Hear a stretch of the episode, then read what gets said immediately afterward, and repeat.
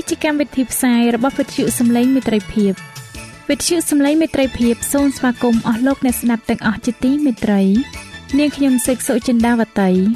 ហើយខ្ញុំបាទអង្គច័ន្ទវិជ្ជៈក៏សូមស្វាគមន៍លោកអ្នកស្ដាប់ទាំងអស់ផងដែរនៅពេលនេះយើងខ្ញុំមានសេចក្តីសុំមនស្សរីករាយដោយបានវិលមកជួបអស់លោកអ្នកនាងកញ្ញាអ្នកស្ដាប់សាជាថ្មីម្ដងទៀត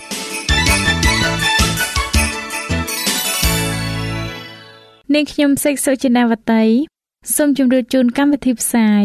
ដែលមានជាបន្តបន្ទាប់ដូចតទៅនេតិជួបជាមួយព្រះបន្ទូលនេតិសុខភាពចា៎លោកអ្នកស្ដាប់ជាទីមេត្រី នាងខ្ញុំសូមគោរពអញ្ជើញអស់លោកលោកស្រីអ្នកនាងកញ្ញាតាមដានស្ដាប់កម្មវិធីផ្សាយរបស់វិទ្យុយើងខ្ញុំដូចតទៅ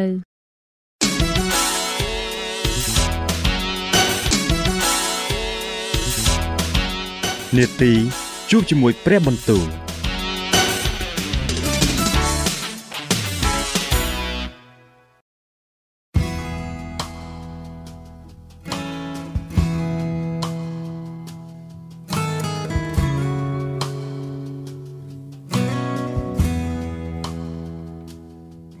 ចាអស់លោកអ្នកស្ដាប់ជាទីមេត្រី ជាដំបូងនាងខ្ញុំសូមអញ្ជើញលោកអ្នកនាងស្ដាប់នេតិជួបជាមួយព្រះបន្ទូល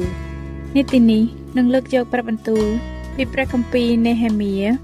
ដែលនឹងជម្រាបជូនដល់លោកអង្ចាន់វិជ្ជៈដូចតទៅ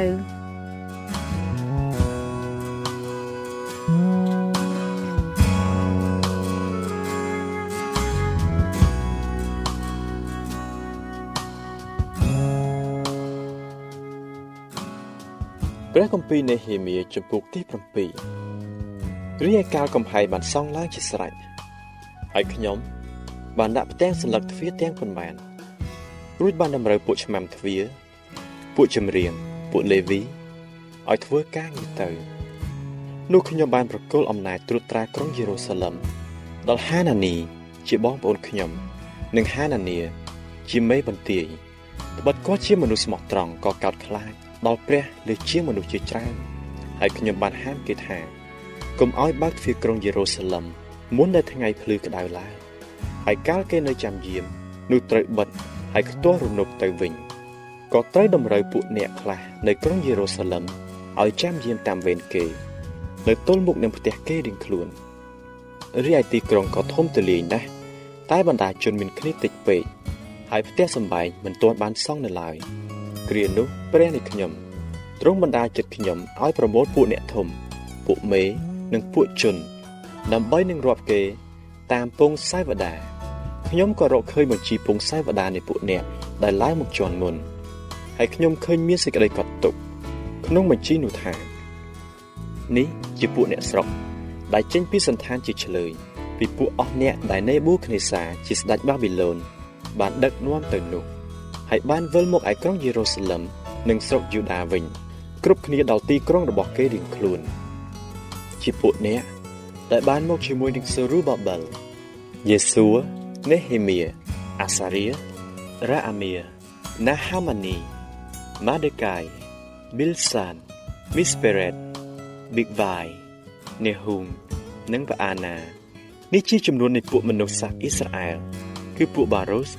មាន2172នាក់ពួកសេផាធាមាន372នាក់ពួកអេរ៉ាសមាន652នាក់ពួកផាហាតម៉ូអាប់ ខាងកូនចៅយេស៊ូនិងយូអាប់មាន2818នាក់ពួកអេឡាំមាន1254នាក់ពួកសាធូមាន845នាក់ពួកសាកាយមាន760នាក់ពួកប៊ីនុយមាន648នាក់ពួកបេបាយមាន628នាក់ពួកអាស្កាតមាន2322នាក់ពួកអាដូនីកាម មាន667នាក់ពួកប៊ីកវ៉ៃមាន2067នាក់ពួកអេឌីនមាន655នាក់ពួកអេធើខាងហេសេគៀមាន98នាក់ពួកហាស៊ូមមាន328នាក់ពួកបេសាយមាន324នាក់ពួកហារ៉េបមាន112នាក់ពួកគីបៀនមាន95នាក់ពួកបេតលេហឹមនិងពួកនធោផាមាន188នាក់ ពួកអាណាថោតមាន128នាក់ពួកបេតអាស្ម៉ាវេតមាន42នាក់ពួកគិយាតយ៉ារីមកេភីរ៉ានិងភីរ៉ុតមាន743នាក់ពួករ៉ាម៉ានិងពួកកេបា មាន621នាក់ពួកមីកម៉ាសមាន122នាក់ពួកបេតអែលនិងអៃមាន123នាក់ពួកនៅក្រុងនេបូមួយទៀតមាន52នាក់ពួកអេឡាមួយទៀតមាន1254នាក់ ពួកហារីមមាន320នាក់ពួកយេរីខូមាន345នាក់ពួកឡូតហាឌីតនិងអូណូមាន721នាក់ពួកសេណាមៀមាន3930នាក់ឯពួកសង្ឃនិងពួកកូនចៅយេដាយ៉ាខាងវងរបស់យេស៊ូមាន973នាក់កូនចៅអ៊ីមើមាន1052នាក់កូនចៅ Pasher មាន1247នាក់ កូនចៅ Harim មាន1017នាក់ឯពួកលេវីក្នុងពួកកូនចៅយេស៊ូនិងកាតមៀលខាងវងរបស់ហូដាវីមាន74នាក់ឯពួកចម្រៀងក្នុងពួកកូនចៅអេសាមាន148នាក់ឯពួកឆ្មាំទ្វារក្នុងពួកកូនចៅសាឡូមកូនចៅអេធើកូនចៅថាល់ម៉ូនកូនចៅអាគូបកូនចៅហាធីថា និងកូនចៅស៊ូបាយរួមទាំងអស់មាន138នាក់ ឯពួកនេធីនីមគឺមានពួកកូនចៅស៊ីហាកូនចៅហាសុផានិងកូនចៅថាបាអូតកូនចៅកេរ៉ូសកូនចៅស៊ីយ៉ាហាកូនចៅផាដូនកូនចៅលេបាណាកូនចៅហាកាបាកូនចៅសាល់ម៉ៃកូនចៅហាណានកូនចៅគីដេលកូនចៅកាហាកូនចៅរីអាយ៉ាកូនចៅរីស៊ីនកូនចៅនេកូដាកូនចៅកាសាមកូនចៅអ៊ូសៀ កូនចៅផាសេហាកូនចៅបេសាយកូនចៅមេហ៊ូនីមកូនចៅនេភូស៊ីមកូនចៅបាបូកកូនចៅហាគូផាកូនចៅហាហឺកូនចៅបាស្លូតកូនចៅមហីដាកូនចៅហាសាកូនចៅបាកូស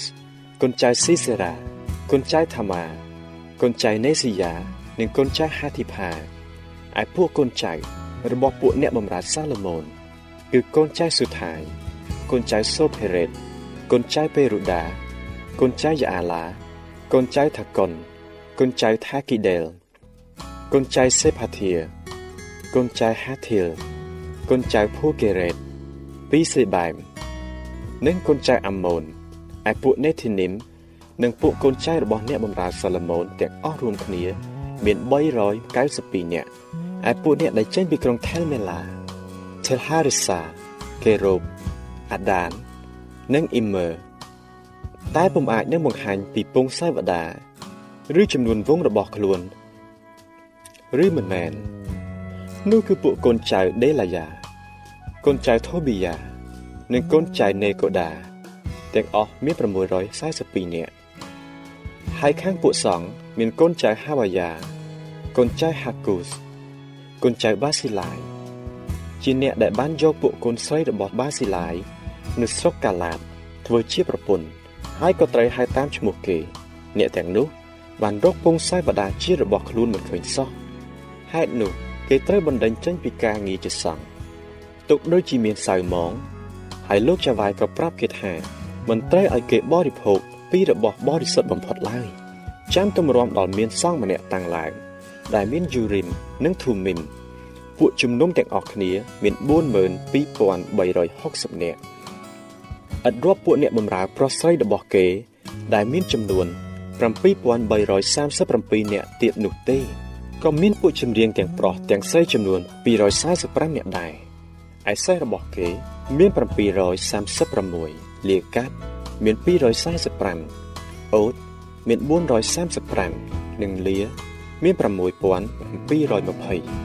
មានពួកអ្នកជាកពូលលើវងឪពុកគេខ្លះបានថ្វាយដង្វាយសម្រាប់ការនោះ លោកចាវាយថ្វាយដាក់ក្នុងឃ្លាំងជាមាស1000ដារិកវែងមាស50សម្លៀកបំពាក់ពួកសង្ឃ530សម្រាប់ហើយពួកអ្នកជាកម្ពូលលើវងរបស់ឪពុកខ្លះក៏ថ្វាយមាស20000ដារិក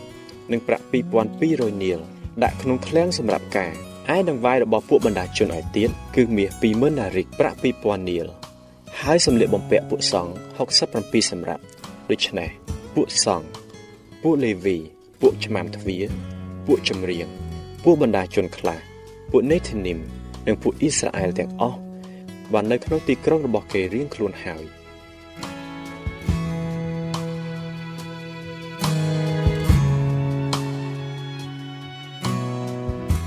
។ចា៎ប្រិយមិត្តអ្នកស្ដាប់ជាទីមេត្រី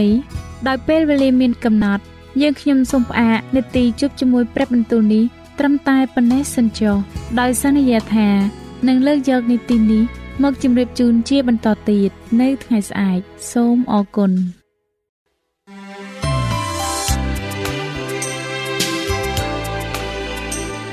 វិទ្យុសំឡេងមេត្រីភាព AWR នាំមកជូនលោកអ្នកនៅសារនៃសេចក្តីស្រឡាញ់ពីព្រះអង្គម្ចាស់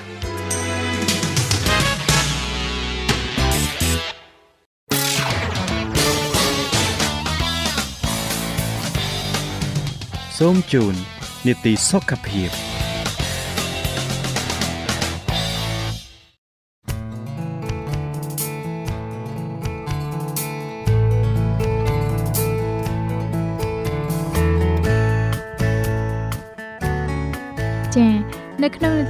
ភាពនៅថ្ងៃនេះនាងខ្ញុំសូមគោរពអញ្ជើញអស់លោកអ្នកនាងតាមដានស្ដាប់មេរៀនសុខភាពដែលនឹងជម្រាបជូនដោយកញ្ញាឌីណាដូចតទៅ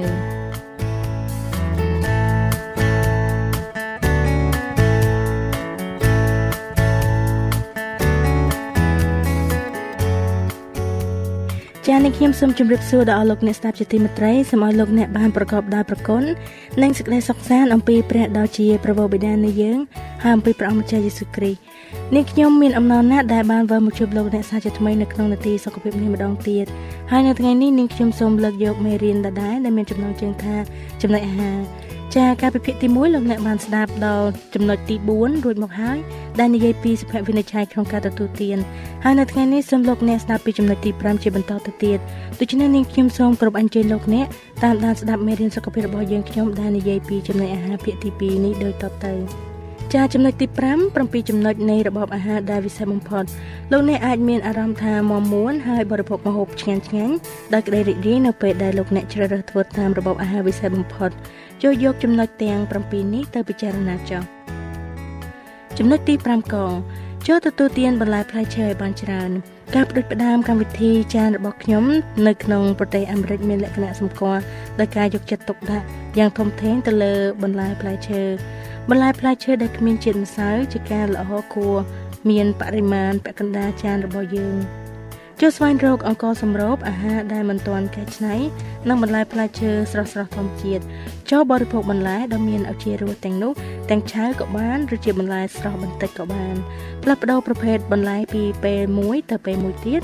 កោសិកាក្នុងខ្លួនរបស់អ្នកទាំងប្រមាណនឹងស្រឡាញ់លោកអ្នកណាស់ចំពោះជីវជាតិចិញ្ចឹមដែលសម្បូរបែប ពណ៌ចម្រុះដូចជាពណ៌អិនតនូនៅលើចានរបស់លោកអ្នកបង្ហាញថាពួកវាមានផ្ទុកទៅដោយសារធាតុរ៉ែនិងវីតាមីនយ៉ាងបរិបូរណ៍ព្រមទាំងមានអំណាចនៃការព្យាបាលផងពិតជាឆ្ងាញ់មាត់មិនខានផ្លែឈើផ្អែមដែលមានឱជារសដូចជាផ្លែ blueberry ស្វាយម្នាស់ផ្លែប៉េះផ្លែល្ហុង ផ្លែទំពាំងបាយជូរផ្លែ strawberry ហើយនិងផ្លែប៉ោមជាដើមសុទ្ធសឹងតែជាផ្លែឈើជាទីពេញនិយមជាសាកល្បងបន្លែថ្មីថ្មីដូចជាស្ពៃតឿឬបែកគក់ស្រួយស្រួយជាដើមនៅក្នុងតំបន់ត្រូពិចក្បួនទូទៅគឺត្រូវចំអិនបន្លែដើម្បីជៀសវាងគ្រោះថ្នាក់កើតឡើងពីប៉ារ៉ាស៊ីតបើសិនត្រូវបរិភោគផ្លែឈើនៅក្នុងតំបន់ត្រូពិចគួរតែមានការការពារទៅនឹងមេរោគប៉ារ៉ាស៊ីតផ្សេងផ្សេង ចាចំណុចទី5ខចូលទទួលទានអាហារដែលមានជាតិសរសៃណាដែលអាចទទួលទានបានតើលោកអ្នកចង់សម្រក់ទម្ងន់1គីឡូ2និងមានរាងស្អាតឡើងវិញទេប្រសិនបើលោកអ្នកចាប់ផ្ដើមទទួលទានអាហាររបស់អ្នកជាមួយបន្លែឆៅហើយបង្កើនការទទួលទានអាហារដែលមានជាតិសរសៃនោះលោកអ្នកនឹងមិនសូវចង់ទទួលទានអាហារដែលមានកាឡូរីខ្ពស់ទៀតទេ លោកអ្នកមិនចាំបាច់បន្តនៅរបបអាហារបែបអត់ឃ្លានដល់រាងកាយទៀតទេអាហារដែលមានជាតិសរសៃនឹងជួយឲ្យលោកអ្នកមានអារម្មណ៍ថាឆ្អែតអាហារកែច្នៃឲ្យបានធ្វើឲ្យបាត់បង់ជាតិសរសៃអស់ជាតិសរសៃដែលមិនរលាយជួយយើងដោយផ្ទុកទឹកប្រៀបដូចជាអេប៉ុងដោយជួយផ្គត់ផ្គង់ចំពោះសុខភាពនៃបំពង់ហ្គាសក្នុងពោះវៀនជួយការពារការប្រឈមមុខទៅនឹងជំងឺមហារីកពោះវៀនធំព្រមទាំងធ្វើឲ្យអរម៉ូនមានតុល្យភាព ប្រសិទ្ធភាពដ៏ធំមួយទៀតរបស់អាហារដែលមានជាតិសរសៃគឺវាមានសមត្ថភាពធ្វើឲ្យមានស្ថិរភាពស្ករក្នុងក្របឈាមវាជួយសម្រួលដល់ការបញ្ចេញជីវជាតិចិញ្ចឹមសន្សឹមសន្សឹមចូលទៅក្នុងសរសៃឈាមវាអាចជួយទាំងរោគខ្វះជាតិស្ករនិងរោគទឹកនោមផ្អែមតើលោកអ្នកអាចស្វែងរកអាហារដែលមានជាតិសរសៃបន្ថែមមកពីណា ចាប្រភពជាតិសរសៃដ៏សម្បូរបែបរួមមានផ្លែឈើជាពិសេសគឺប្រភេទ berry សណ្តែកបារាំងបន្លែបៃតងផ្កាខាត់ណាបៃតងសណ្តែកផ្សេងផ្សេងសណ្តែកបាយសណ្តែកបារាំងសណ្តែកគួរឡាក្របធំជាតិមានស្រូវសាលីម្សៅអោបអង្ករសម្រូបគួរឲ្យភ្ញាក់ផ្អើលមែនអាហារពីសាច់សត្វទាំងអស់គ្មានជាតិសរសៃទេ បន្លែផ្សេងផ្សេងមិនគ្រាន់តែផ្ទុកពេញទៅដោយជាតិសរសៃប៉ុណ្ណោះទេប៉ុន្តែក៏សម្បូរទៅដោយវីតាមីនជីវជាតិរ៉ែហើយនិងសារធាតុប្រឆាំងអុកស៊ីតកម្មផងដែរជាទូទៅទឹកផ្លែឈើក៏គ្មានជាតិសរសៃផងដែរចូលកុំផឹកទឹកផ្លែឈើឡើយជាសរសៃដែលអាចរលាយបានរកឃើញច្រើននៅក្នុងប្រភេទសណ្តែកស្រូវអោកហើយនិងផ្លែឈើជួយការពារមិនឲ្យ cholesterol កើនឡើងក្នុងឈាមដោយការខាំងវាទុកក្នុងពោះវៀនតូច រួចហើយបញ្ចេញចោលតាមចលនាលាមកវាក៏អាចមកជួយសម្រកទម្ងន់ឲ្យលោកអ្នកផងដែរចំណុចទី5គោចូលទទួលទានអាស៊ីតខ្លាញ់ omega 3បន្ថែមលោកចនបានរាយការណ៍ថាឪពុករបស់ខ្ញុំបានស្លាប់ដោយសារការកាំងបេះដូងនៅអាយុ70ឆ្នាំហើយគ្រួសារទាំងសងខាងសុទ្ធតែមានបញ្ហាបេះដូងពូរបស់ខ្ញុំចនដែលក្រោយមកគេដាក់ឈ្មោះខ្ញុំតាមគាត់បានស្លាប់ដោយសារការកាំងបេះដូង ខណៈសរសេរសម្បត្តិនេះខ្ញុំអាយុ79ឆ្នាំហើយធ្វើត្បិតតែខ្ញុំមានហ្សែនរោគបេះដូងដ៏អាក្រក់តែខ្ញុំមានបំណងបិទពពួកហ្សែនអាក្រក់ដោយជំរើសរបៀបរស់នៅរបស់ខ្ញុំតើលោកអ្នកចង់កាត់បន្ថយការប្រឈមមុខទៅនឹងគ្រោះថ្នាក់ដោយជំងឺកាំងបេះដូងហើយអាចរស់នៅមើលចៅចៅឬអាចរហូតដល់ចៅទួតរបស់លោកអ្នកដែរទេ ចូលទទួលទានខ្លាញ់ omega 3ខ្ពស់ដូចជាក្រ walnut ហើយបន្លែស្លឹកបៃតងឲ្យបានច្រើនអាស៊ីតខ្លាញ់ omega 3ជួយបញ្ចុះ cholesterol ឈាមនិងកម្រិតខ្លាញ់ធម្មជាតិ triglyceride ជួយការពារបញ្ហាស្លាប់អវយវៈនិងបញ្ហាសរសៃឈាមបេះដូងហើយជាងនេះទៅទៀតវាជួយកាត់បន្ថយនៅអត្រារងគ្រោះដោយជំងឺមហារីកសដន់មហារីកពោះវៀនធំនិងមហារីក prostate ចុះបែរមកទទួលទាន omega 3ចា៎ ចំណុចទី5ខចូលទទួលទានខ្លាញ់ល្អក្នុងបរិមាណសមល្មមផ្លែបឺផ្លែ almond ក្រប walnut ប្រេងអូលីវសុទ្ធប្រេងដូងសុទ្ធនេះគឺជាទម្រង់ខ្លាញ់រលាយល្អដែលអាចមានប្រយោជន៍ជាពិសេសសម្រាប់សុខភាពខួរក្បាលខ្លាញ់មិនរលាយផ្សំផ្សេងផ្សេងភាគច្រើនមិនកកនៅសីតុណ្ហភាពធម្មតាខ្លាញ់ប្រភេទនេះមិនបង្កើនកូឡេស្តេរ៉ុលច្រើនដូចខ្លាញ់សត្វពេកទេខ្លាញ់ទាំងនេះគួរត្រូវបានគេទទួលជាពិសេសតាមរយៈផ្លែបឺ walnut ហើយនិងប្រភពធម្មជាតិដទៃទៀតចូលកំណត់ការទទួលទានបើសិនវាជាលក្ខណៈប្រេងចំណុចទី5ងចូលជៀសវាងខ្លាញ់មិនល្អខ្លាញ់មិនល្អធ្វើឲ្យកើនកូឡេស្តេរ៉ុលហើយអាចបណ្ដាលឲ្យកើតជំងឺមហារីកនិងជំងឺរលាកខ្លាញ់ដែរខូចគុណភាព trans fat មាននៅក្នុងប្រេងបន្លែដែលត្រូវបានគេចម្រាញ់ដោយប្រើកម្ដៅខ្លាំងបើម៉ាការ៉ីនហើយនឹងខ្លាញ់ខាប់សម្រាប់ធ្វើនំច្រើនពេកដំឡូងបារាំងបំពងនំម្សៅ បងខ្លាញ់នំខូគីនំស្រួយធ្វើពីពោតនិងនំប្រៃខ្លាញ់ដែលឆ្អែតអាចកកបាននៅក្នុងសីតុណ្ហភាព25អង្សាសេតើលោកអ្នកដឹងទេថាខ្លាញ់ស្អិតភាគច្រើនមាននៅក្នុងខ្លាញ់សត្វជាពិសេសសាច់គោក្រហម សាច់ជ្រូកនិងម្ទេសសាច់សង្វិចសាច់និងផលិតផលទឹកដោះគោជាបច្ច័យបណ្ដាលឲ្យឡើងកូឡេស្តេរ៉ុលនិងពាក់កណ្ដាលនៃជាតិខ្លាញ់នៅក្នុងរបបអាហាររបស់ជនជាតិអាមេរិកខ្លាញ់នៅក្នុងផលិតផលទឹកដោះគោមាន2ភាគ3គឺជាខ្លាញ់ស្អិតដោយធ្វើឲ្យផលិតផលទឹកដោះគោមានកម្រិតខ្ពស់នៅក្នុងខ្លាញ់ស្អិតជាជាងសាច់ចំណុចទី5ចូល ចូលបរិភោគអាហារដែលមានជាតិប្រូតេអ៊ីនគ្រប់គ្រាន់ការស្រូបយកប្រូតេអ៊ីនតិចតួចពេកអាចបណ្ដាលឲ្យខូចសុខភាពនៅជុំវិញពិភពលោកការស្រូបយកប្រូតេអ៊ីនមិនគ្រប់គ្រាន់គឺជាមូលហេតុចម្បង ចំពោះបញ្ហាសុខភាពធ្ងន់ធ្ងរជាពិសេសក្មេងៗ ការស្រូបយកប្រូតេអ៊ីនគ្រប់គ្រាន់គឺជាការសំខាន់សម្រាប់ការលូតលាស់កុមារឲ្យមានសុខភាពល្អការទទួលទានគ្រាប់ទុនជាតិអង្ករសម្រូបស្វាយចន្ទី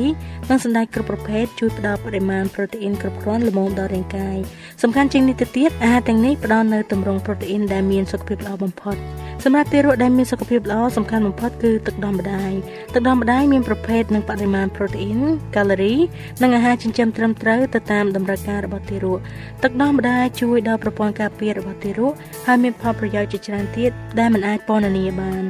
ខណៈពេលដែលក្មេងកំពុងលូតលាស់ជួនកាលគេចូលចិត្តបើ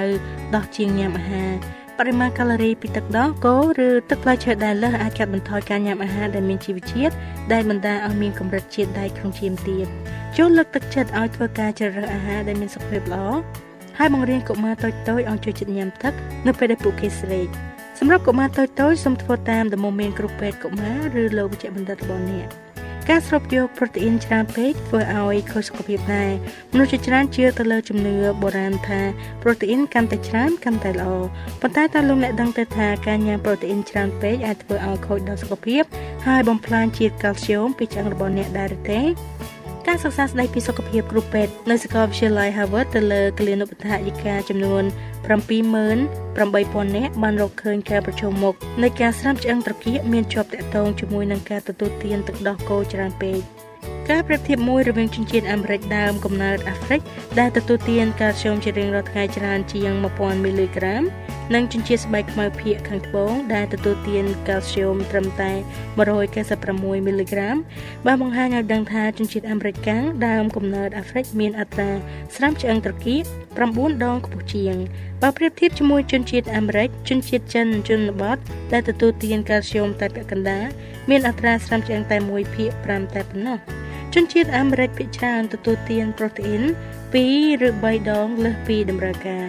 ទឹកដោះគោទោះបីជាមានកាល់ស្យូមខ្ពស់ក៏ពិតមែនតែវាក៏មានប្រូតេអ៊ីនខ្ពស់ផងដែរ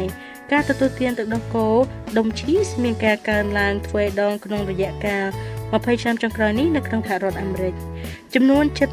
75%នៃខ្លាញ់ស្អិតក្នុងរបបអាហារអាមេរិកបានមកពីទឹកដោះគោដុំនេះឯង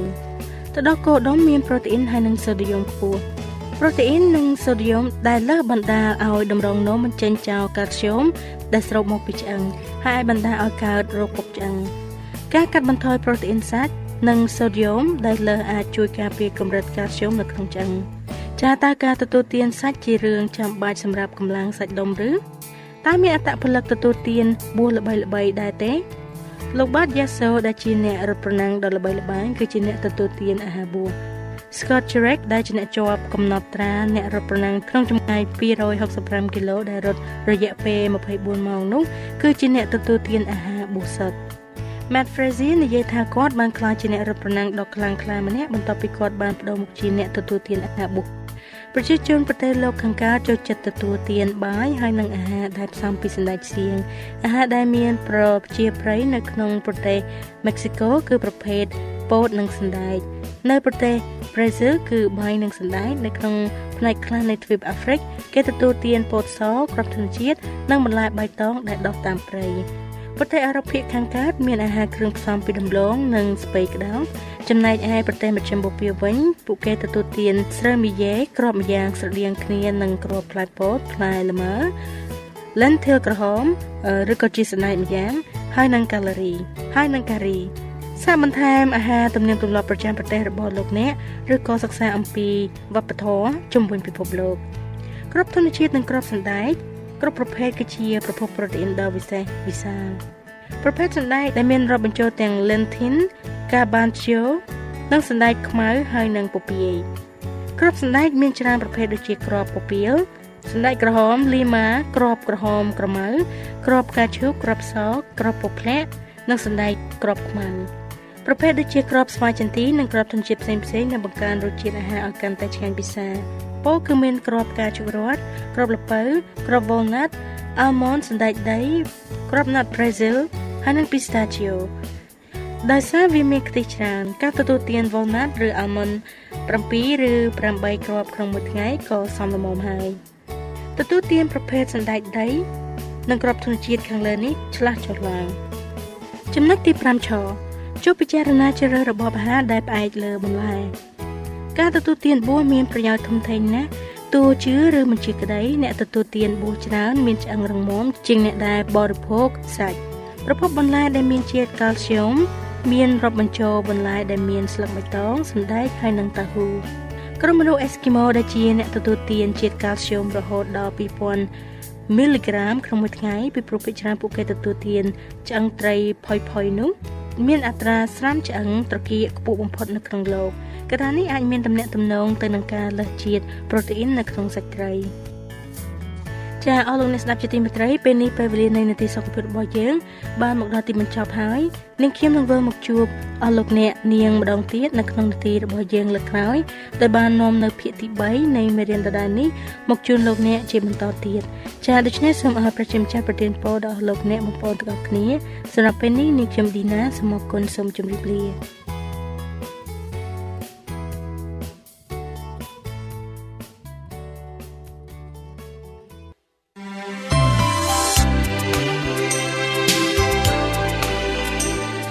វិទ្យុសំឡេងមេត្រីភាព AWR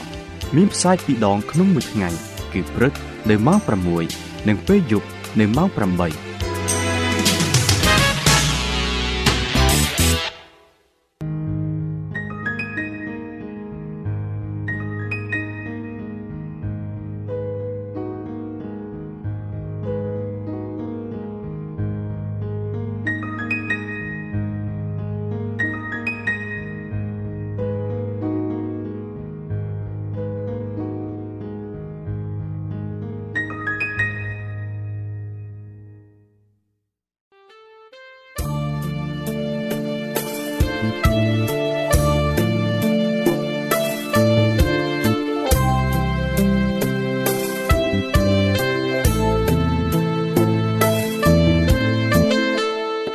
សិនជាលោកអ្នកមានសំណួរ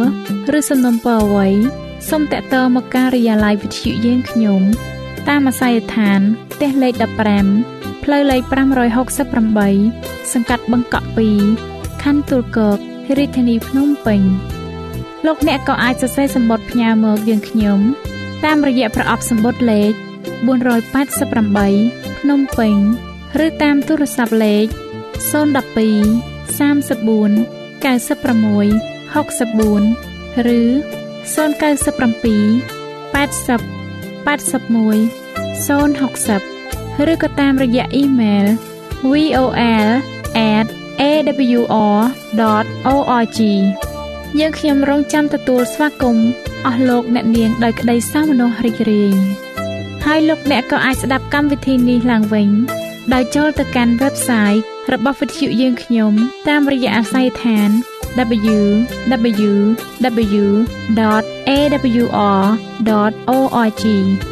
លោកអ្នកនាងកញ្ញាជាទីមេត្រី កម្មវិធីផ្សាយរបស់វិទ្យុសំឡេងមេត្រីភាពនៅពេលនេះសូមបញ្ចប់តែប៉ុណ្ណេះយើងខ្ញុំសូមអរគុណចំពោះការតាមដានស្ដាប់របស់អស់លោកអ្នកតាំងពីដើមរហូតដល់ចប់យើងខ្ញុំសូមជូនពរឲ្យអស់លោកអ្នកនាងកញ្ញាទាំងអស់បានចម្រើនឡើងក្នុងប្រគុណព្រះអង្គម្ចាស់ ហើយក្នុងការទទួលយកព្រះយេស៊ូវគ្រីស្ទជាព្រះអង្គម្ចាស់និងជាព្រះអង្គសង្គ្រោះនៃយើងរាល់គ្នានាទីផ្សាយរបស់វិទ្យុយើងខ្ញុំនឹងវិលមកជួបអស់លោកអ្នកសាជាថ្មីម្ដងទៀតនៅថ្ងៃស្អែកវេលាម៉ោងដដែលនាងខ្ញុំសេកសុចិន្តាវតីនិងខ្ញុំបាទអ៊ំច័ន្ទវិជ្ជៈសូមអរគុណសូមជម្រាបលា